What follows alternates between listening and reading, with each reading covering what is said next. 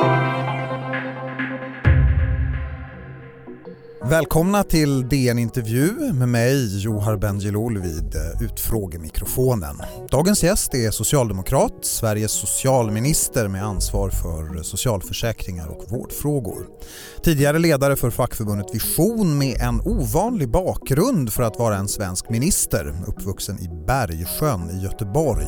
Ett av de där så kallade utsatta områdena som alla har åsikter om under detta integrations och migrationsfixerade valår 2018. Välkommen Annika Strandhäll.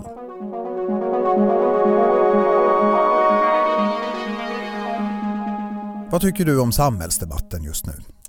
Ja, jag tycker att vi har en väldigt tuff samhällsdebatt just nu. Eh, den präglas ju väldigt mycket av en känsla av att allting går åt skogen. Eh, det är liksom det narrativet som möter en eh, både i politiska debatter och i media skulle jag vilja säga. Eh, en hel del av populism. Eh, det sker ju också stora förändringar i vår omvärld. Det blåser ju vindar i en viss riktning som påverkar också Sverige. Eh, många högerextrema regeringar i, i Europa eh, och vi har Donald Trump i USA och sådär. Så att eh, tuff samhällsdebatt. Jag är ju också aktiv i sociala medier och möter det haveri som finns där emellanåt. Mm. När eh, du tittade på SVTs eh, Agendas partiledardebatt, jag utgår från att du såg den, så då handlade i stort sett allt om olika dystra konsekvenser av migrationen mm. förutom ett eh, klimatsjok som fanns på slutet. Mm. Vad tänkte du om det? Nej, men jag, jag, tycker, jag tycker för det första att det formatet många gånger blir jobbigt för att man inte hinner prata till punkt. Men, men också ut, med utgångspunkten så lyfter man ju väldigt mycket fram de negativa eh, delarna när det gäller migrationen. Eh, sen finns det också positiva delar. Sverige är ju ett land som under ganska många decennier eh, har haft enormt god nytta av att vi har haft en, en migration till Sverige. Mm. Det finns också en intern socialdemokratisk debatt nu om huruvida eh, ditt parti gått för hårt fram i de där frågorna med för tuff retorik och för hårda förslag när det gäller migra just migrationspolitiken. Vad tycker du? Mm. Eh, jag tycker nog att eh, vi eh, ligger ganska rätt i den här debatten. Jag var ju, satt ju i regeringen också hösten 2015 och var med när vi tog emot 10 000 i veckan som låg på gymnastiksalsgolv och annat. Och vi försöker ha en balans mellan, mellan ska jag säga, hård och mjuk trygghet. Och som du också sa förut, jag är ju uppväxt i, i Bergsjön. Jag tycker att vi behöver ha eh, ordning och reda. Eh, det ska vara tryggt att gå ut. Ja, men samtidigt som när jag har hört dig tala politiskt så är du en politiker som har talat om väldigt mycket om att nyanlända inte är ett hot mot välfärden, mm. tvärtom en mm. tillgång och det är synpunkter som i alla fall jag uppfattar som inte framkommer från socialdemokrater idag. Ja, jag är ju socialdemokrat och har sagt det. Nej. Mm. Men man kan väl säga så här att eh, jo, jag, jag, tycker nog ändå att vi försöker säga det också när vi pratar om det här med, med hård och mjuk trygghet inte minst. Jag tycker nämligen att det är betydligt rakare eh, att säga att de människor som, som vi har tagit emot, vi har tagit emot väldigt många de senaste åren, eh, att de ska få en rimlig chans till integration på arbetsmarknaden, eh, tillgång till välfärden, att deras barn ska få en, en bra chans i den svenska skolan. Eh, och då tycker jag kanske att det är både rakare och ärligare att säga att för att vi ska klara det nu så, så behöver vi ha ordning och reda i migrationspolitiken snarare än att säga som, som Annie Lööf gör att vi kan ta emot hur många som helst men sen inte avsätta några resurser för att man ska integreras i samhället utan ja, men, de kan sova under broar. Liksom. Men det handlar ju om jämvikt i ett samtal. Är du helt bekväm med den här socialdemokratiska strategin som ja. många menar är mer auktoritär än vad den varit någonsin tidigare. Ja, vi ska inte säga att den är det. Alltså, socialdemokrater har historiskt sett varit eh, för en reglerad invandring med ungefär samma retorik som, som Stefan Löfven använder idag, nämligen att, att vi behöver ha ordning och reda i migrationspolitiken för det handlar också om att vi behöver eh, se till att de människor som kommer hit ska på samma villkor som andra eh, kunna bli en del av ett, ett, ett väldigt utvecklat välfärdssamhälle som vi vill värna. Ja, men jag förstår också att en regering fattar beslut kollektivt och du är också såklart lojal i ett valår mm. men med din bakgrund, mm. uppvuxen i Bergsjön. Liksom.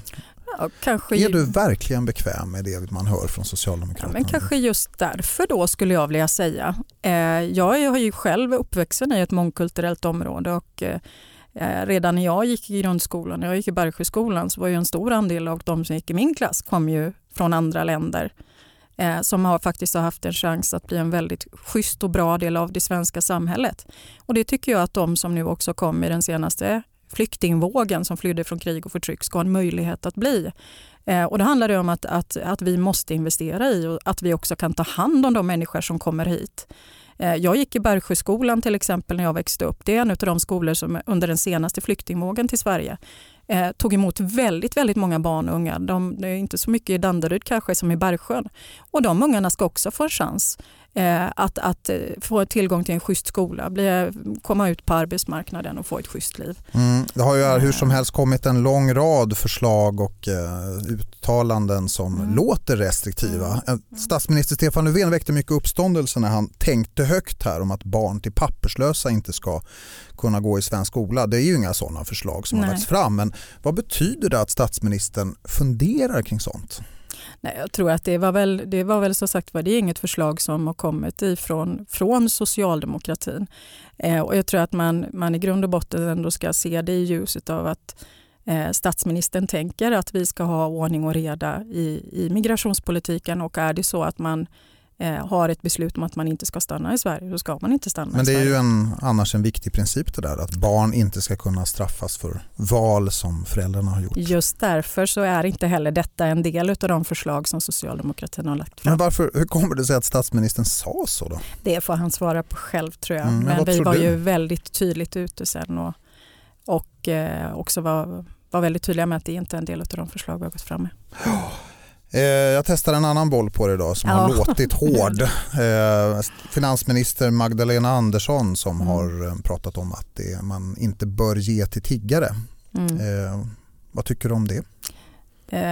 Jag lägger ingen som helst värdering i Magdalena Anderssons uttalande där. Jag tycker att varje människa Vad tycker måste, du då? Jag tycker att man måste själv få fatta det beslutet. Jag själv emellanåt lägger, lägger pengar eh, i de här eh, bussarna. Eh, Trots sen, att finansministern hävdar att du då gynnar trafficking. Ja, nu kanske hon blir sur på mig. Nej, emellanåt, gör det, emellanåt gör jag det inte. Eh, men samtidigt så reflekterar jag också över det som eh, finansministern säger, att det är, eh, det är inte okomplicerat Eh, det vi ser. Jag är som sagt var chef för socialdepartementet. Jag har själv suttit med, med bulgariska ministrar eh, och resonerat om de här frågorna och vad som behöver göras på hemmaplan i både Rumänien och Bulgarien för att man inte ska ha invånare som av de här skälen behöver sitta på gatorna och tigga i andra EU-länder. Eh, och därför så är det delvis också en fråga som vi behöver fortsätta att diskutera på EU-nivå. Och det här är DN Intervju med socialminister Annika Strandhäll som är socialdemokrat. Vi ska strax tala om eh, knytblusar, det är ett ord som är svårt att säga. Vad det betyder när en minister bär ett, eh, ett en sådant plagg. Vi ska prata om det alldeles strax eh, efter pausen.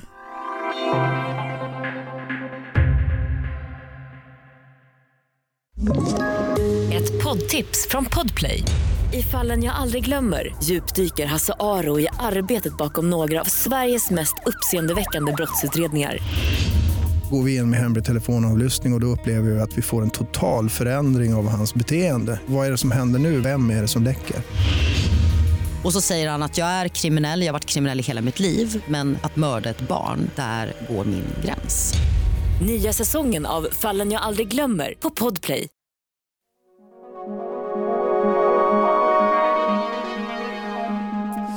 Ja, välkommen tillbaka Annika Strandhäll, socialminister. Du var en av eh, flera ministrar som iklädde dig knytblus offentligt för en tid sedan i eh, solidaritet med den nu avgångne ständige sekreteraren Sara Danius som ju ofta mm. bär just knytblus. Eh, varför valde du att göra det? Jag valde att göra det för att jag reagerade starkt på, på den situation som hon hamnade i. Jag är ju eh, visserligen minister och socialdemokrat men jag är också människa, kvinna och feminist. Eh, och eh, det var för mig ett väldigt naturligt sätt att visa ett systerskap och stöd. Ja, hur vet, vad vet du om den situation hon, hon hamnade i? Jag vet ungefär lika mycket som alla andra vet eh, om den situation som hon hamnade i. Men jag har också erfarenheter av och har många gånger under mitt liv eh, mött just situationer där kvinnor ska gå in och ta ansvar i en, en gammal, ganska förlegad kultur eh, och sen få betala ett pris för det. Ja, min poäng här var att Svenska Akademin är ju en ganska sluten församling där Mm. vi faktiskt inte vet alla Mm, detaljer om nej. vad som har hänt. Hade det inte känts tryggare att ha ett bättre faktaunderlag innan du tog ställning? Nej, det hade nog känts väldigt mycket tryggare som det ju ibland kan göra att inte göra någonting. Eh, jag valde att göra något istället. Eh, utifrån både att jag själv är feminist, att jag ser hur kvinnor eh, i samhället, kvinnor i, i positioner där man har makt och man har inflytande, många gånger eh, befinner sig i en väldigt tuff situation. Vad, vilken är din ståndpunkt när det gäller de här maktkamperna i Svenska Akademin? Ja, jag, alltså när det gäller ståndpunkterna eh, kopplat till maktkamperna i Svenska Akademin så är väl återigen min eh, ståndpunkt att eh, när en, en kvinna med den värdighet som Sara Danius visade i det här sammanhanget eh, och eh, som vi nog alla har följt på lite olika sätt eh, lämnar på det här sättet så var inte jag ensam om att reagera utan det var många som gjorde det. Om vi lyfter det då till ett eh, principiellt plan, du är medlem av regeringen. Varför ska regeringen på det här viset eh, lägga sig i en oberoende kultur, kulturinstitution, inre processer? Nej, jag la mig inte i deras inre processer. Däremot så det gav jag... ställningstagandet eh, har väl ändå uppfattats så? Ja, det är möjligt och det får man gärna göra. Däremot så visade jag och uttryckte ett systerskap som jag har gjort många gånger förr. För en kvinna som befinner sig i en väldigt tuff situation och försöker röka ur en gammal förlegad eh, patriarkal miljö. Kanske. Ja, du är inte bara opinionsbildare utan du är ju också faktiskt minister. Kan det finnas, har du, hur har du tänkt på det konstitutionellt? Att en minister lägger sig i en Ja. institutions inre liv på det här viset? ja, fast jag la mig inte i en institutions inre, inre liv eller de processer som pågår där inne. Däremot så visade Du jag tog ju ställning för en part i målet under alla Ja, omständigheter. jag tog ställning för en, en kvinna som befann sig i en tuff situation. Ja, men om jag återkommer till det här. Man tittar faktiskt på akademin. Det är ju ett Mm. ganska oklart rättsligt status egentligen som vilar på åldriga urkunder som kan omtolkas. Om jag ställer frågan så här då. Mm. Eh, är det konstitutionellt riktigt att ministrar eh, har synpunkter i detta läge? har synpunkter. Jag tycker nog att det är, är eh, riktigt att även ministrar får lov att uttrycka åsikter i olika frågor. Eh, och eh, i det här fallet så valde jag att göra det. Mm. Det här har ju kopplats då, det har gått ett halvår sedan den här eh, metoo-hösten Mm. eh, 2017 och nog kändes det då i alla fall som att det här med jämställdhet det kommer nog att bli en valfråga. Mm. Varför har det inte blivit så? Ja, det kan man väl verkligen önska sig att det kanske också förhoppningsvis kommer att bli en, en valfråga. Eh, jag pratar själv väldigt ofta om, om metoo när jag får frågor. Eh, jag kan också konstatera att det kanske också har ramlat ner något på, på den massmediala agendan. Eh, det, det är ju liksom dessutom så att, att för, för mig som Eh, socialminister och medlem i en, en feministisk regering så pågår ju arbetet kring jämställdhet varje dag. Det finns ju inte ett beslut som vi fattar i regeringen där vi inte först har gjort en jämställdhetsanalys. Eh, nu får vi också snart förhoppningsvis, kanske vi har åtminstone lagt fram förslag om samtyckeslagstiftning till exempel. Så att eh, för, för min del lever ju jämställdhetsfrågan hela tiden och pratar väldigt mycket jämställdhet. Och skulle kanske önska än mer då att fler gjorde det, Mhm. även media. Om vi avslutar där vi börjar. Mm. Eh, Socialdemokraterna har en valstrateg som heter John Sanki som har sagt att vi har en politisk dagordning idag som i någon mening är auktoritär. Det Mm. finns i väljarkåren en önskan om att någon ska ta kontrollen Mm. över samhällsutvecklingen. Håller du med honom i den analysen? Eh, att det finns en sån strömning i samhället, ja, det håller jag med om. Eh, och jag skulle vilja säga också med utgångspunkt ifrån eh, den känsla och oro som finns hos befolkningen, befogad eller inte, att saker och ting går i fel riktning. Vi ser det i Sverige, vi ser det också i andra länder. Att människor behöver känna en större trygghet i att vi, vi har koll på läget, att vi är beredda både att investera i människor, mjuk trygghet, men också hård trygghet i form av lag och ordning, att man inte ska behöva oroa sig för skjutningar i området. Eh, och, eh, och vilket ansvar har Socialdemokraterna för att den här andan då eh, kan finnas i väljarkåren när mm. Socialdemokraterna väljer att lyfta fram eh, hårdare frågor på det sättet? Ja, alltså, jag tror att det är otroligt viktigt att, att man är tydlig med varför man lyfter fram de frågorna. Men så sent som, som eh, idag så stod jag också och presenterade ett eh, vallöfte som handlade om psykisk ohälsa och våra satsningar där. Och när jag tittar på de vallöften som Socialdemokraterna har presenterat under våren, i och med att jag har ansvar för de flesta välfärdsfrågorna, så kan jag konstatera att, att balansen är ungefär 50-50. Sen låter det inte så i samhällsdebatten, men det är ju inte heller så att Socialdemokraterna ensamt styr samhällsdebatten, utan här tror jag kanske om politiken ska vara fundersam över hur det påverkar oron i samhället så kanske också media ska fundera över vad det är man lyfter. Ja, samtidigt så vad, vad är det vi gör fel då menar du? Nej, men jag tror också att, att, att emellanåt, låt oss ta, jag är ju ansvarig för hälso och sjukvården, det är en av de stora valfrågorna i år eh, där eh, man möts av, med rätta, för den balansen ska finnas, men hela tiden vad det är som brister i hälso och sjukvården. Det låter som om ingenting fungerar och ingen någonsin får vård. Samtidigt så är det så att så sent som i höstas så presenterades i The Lancet en undersökning där man jämförde 195 länder och dödligheten i 32 diagnoser. Och där man kan konstatera att bland de här 195 länderna så platsar Sverige in på plats fyra. Problemet ibland när, när liksom debatten blir väldigt svart Eh, är ju också att, att det driver på en politisk dagordning som eh, blir väldigt svartvit. Och just det här med, med att försöka ha en balans, att ha flera tankar i huvudet samtidigt och inte Eh, inte förenkla ibland väldigt komplexa Nej, frågor. Samtidigt så är det ju, de politiska partierna anpassar sig också efter ja. mätningar om vad ja. väljarna tycker är viktigt. Jag ja. intervjuade statsminister Stefan Löfven eh, tidigare i år och då sa han det att en av, ett av skälen till att det har gått dåligt för Socialdemokraterna på andra håll i Europa är att man inte har pratat om de frågor som väljarna tycker är viktigast. Mm. Och då, de mätningarna visar ju att det är just trygghet och mm. migration som spelar mm. roll. I vilken mån kan Socialdemokraterna gå emot detta och skapa sin egen världsbild?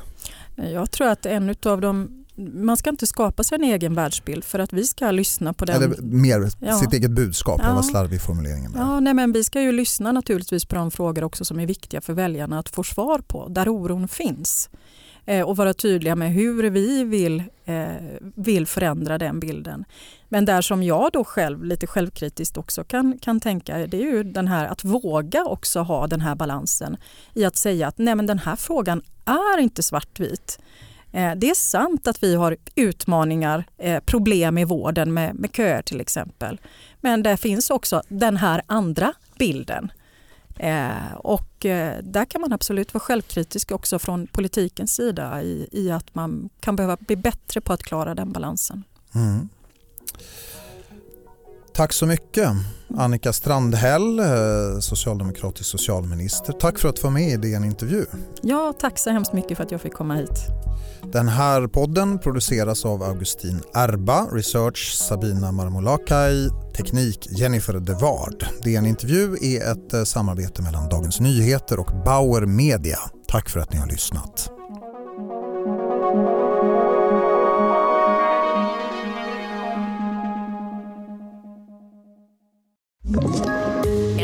Ett poddtips från Podplay. I fallen jag aldrig glömmer djupdyker Hasse Aro i arbetet bakom några av Sveriges mest uppseendeväckande brottsutredningar går vi in med hemlig telefonavlyssning och, och då upplever vi att vi får en total förändring av hans beteende. Vad är det som händer nu? Vem är det som läcker? Och så säger han att jag är kriminell, jag har varit kriminell i hela mitt liv men att mörda ett barn, där går min gräns. Nya säsongen av Fallen jag aldrig glömmer på Podplay.